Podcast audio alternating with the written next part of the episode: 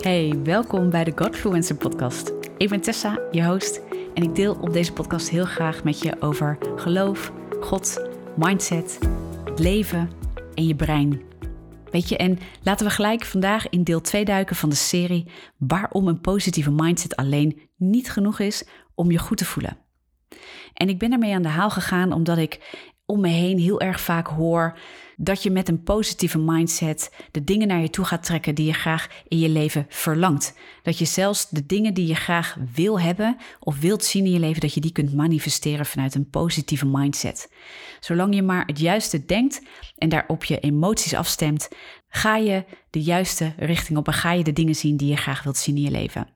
Maar heel eerlijk, dat is niet wat ik daadwerkelijk om me heen zie. En dat is ook niet wat ik in mijn eigen leven heb gezien.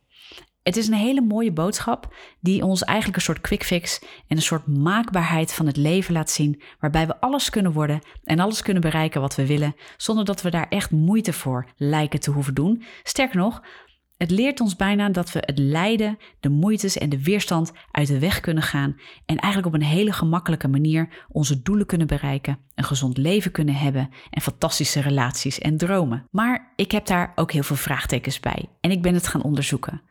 Een van de dingen die ik onder andere op dit moment onderzoek is de Law of Attraction, die, wat ik net vertelde, heel erg predikt en naar voren brengt.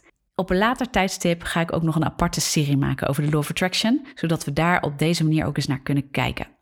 Voor nu wil ik je vooral meenemen in hoe kun je nou kijken naar gezondheid. En als ik het over gezondheid heb, heb ik het niet alleen over je lichamelijk goed voelen.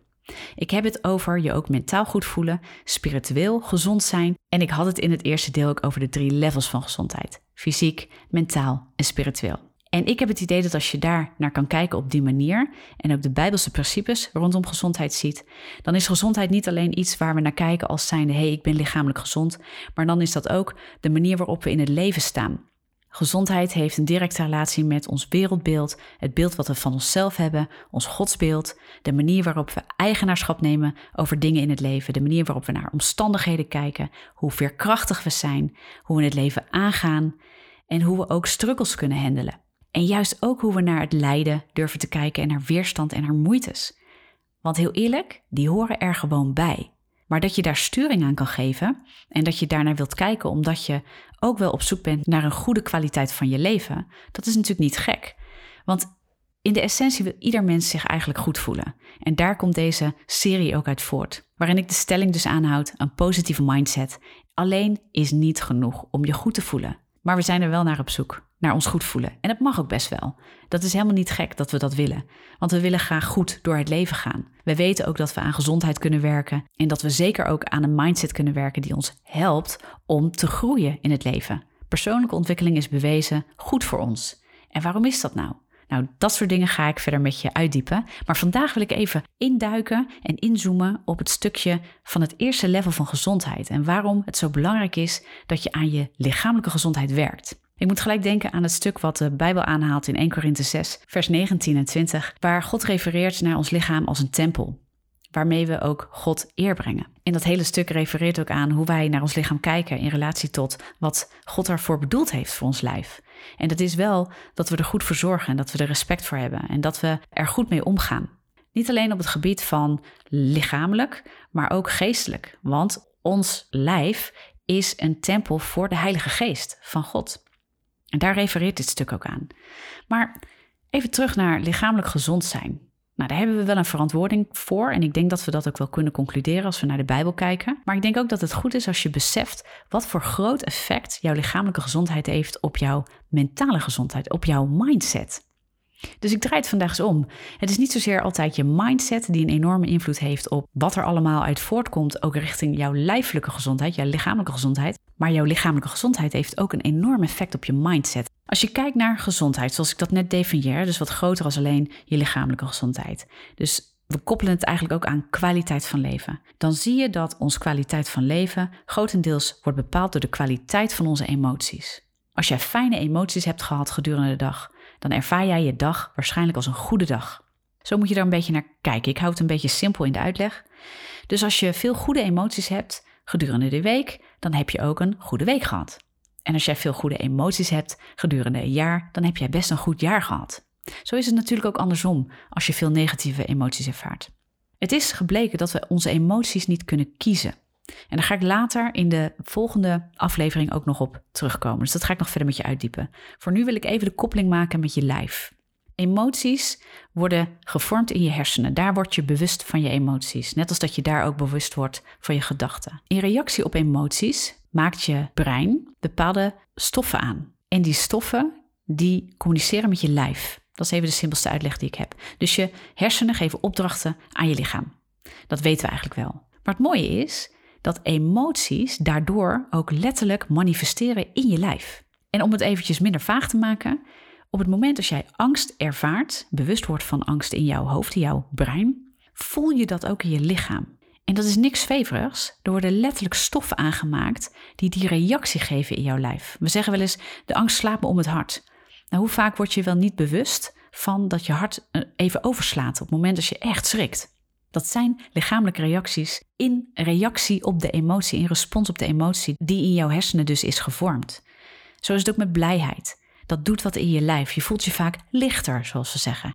Maar dat is ook door de stoffen die je lijf aanmaakt in reactie dus op wat er gaande is in een emotie. Je lichaam reageert letterlijk mee met de emoties waar jij je bewust van bent, maar ook met de emoties waar jij je niet bewust van bent. Ik heb heel vaak mensen met heel veel stress bij mij in de behandelkamer zitten en zij komen bij mij vanwege lichamelijke klachten. Dat is doordat ze heel veel stress ervaren. Alleen het ervaren van die stress ligt op grote delen ook vaak onbewust. En omdat ze dat niet bewust zijn, snappen ze niet waarom hun lijf zoveel klachten geeft. Ik heb vaak de taak om ze daarvan bewust te maken. En het mooie is, als je dat gaat begrijpen, kun je er dus ook wat mee. Maar het mooie is ook, stress hoeven we niet alleen aan te vechten op mentaal niveau, stress kun je ook aanvechten op lichamelijk niveau. Want, en dat is precies wat ik je vandaag ook wilde zeggen, als je werkt aan je lichamelijke gezondheid, heb je als direct effect, als primair effect natuurlijk, dat je lichaam gezond of gezonder wordt. Maar het tweede effect is dat je mentaal ook sterker wordt. Ik weet niet of je het onthouden hebt, maar in het eerste deel had ik het ook over je immuunsysteem. Dat je in de drie levels van gezondheid, fysiek, mentaal en spiritueel, daar ook naar kunt kijken vanuit een immuunsysteem, een afweersysteem, wat slechte dingen buiten houdt, zeg maar, even plat gezegd. En zo is het ook met de uitwerking van onze lichamelijke gezondheid op ons brein, op ons mentale gezondheid. Op het moment als je werkt aan lichamelijke gezondheid door goede voeding, door een goede training, door goede slaaproutine, dan zie je dus dat dat een mentale veerkracht vergroot. Het helpt je om je beter te voelen, fijner te voelen. Het maakt dezelfde stoffen aan als de stoffen die voortkomen uit emoties die positief zijn. En het helpt je ook bij herstel, zowel lichamelijk als mentaal. De stoffen die worden aangemaakt door je lijf in reactie op goede emoties zijn ook de stoffen die je lichaam aanmaakt in reactie op goede voeding, training en een goede slaaproutine. Het heeft dus een prachtige wisselwerking en daar wilde ik je gewoon eens van bewust maken, ook in deze podcast.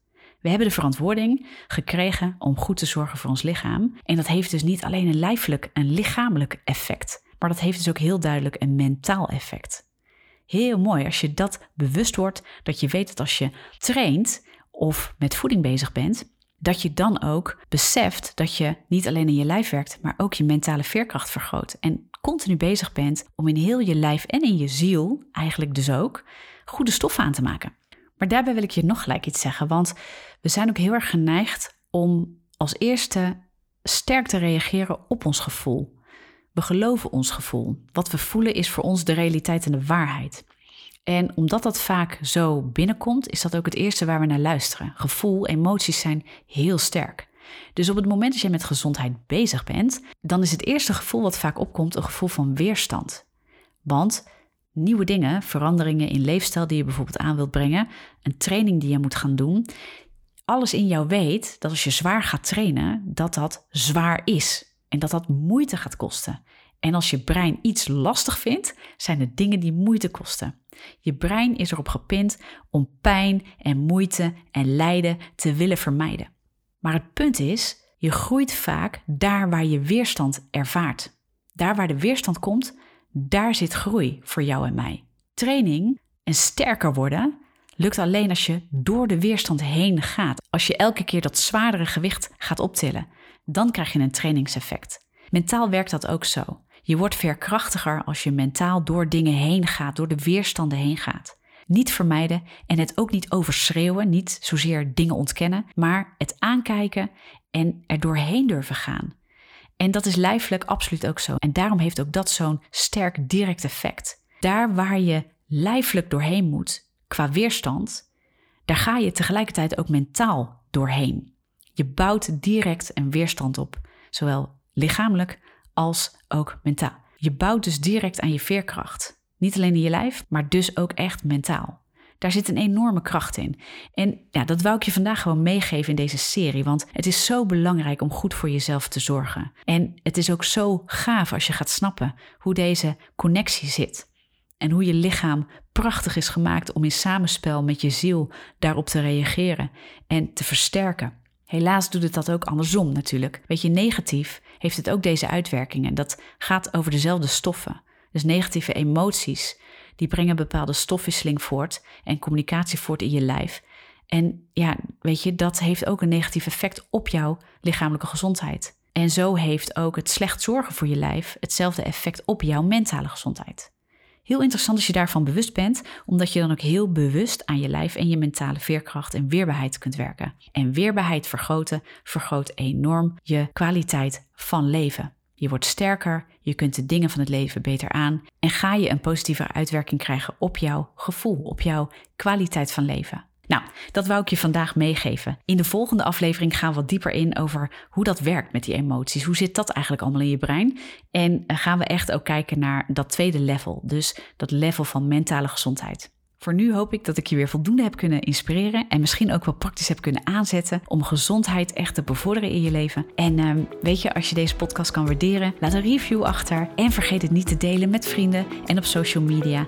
En wat ik heel erg leuk vind, is als je even laat weten, ook via een van de kanalen op Instagram of op Facebook, Tessa van Olst kun je me vinden. Maar dat je me daar even laat weten hoe je het hebt ervaren en wat het voor je betekent. Voor nu sluit ik deze aflevering af en spreek ik je snel in de volgende aflevering.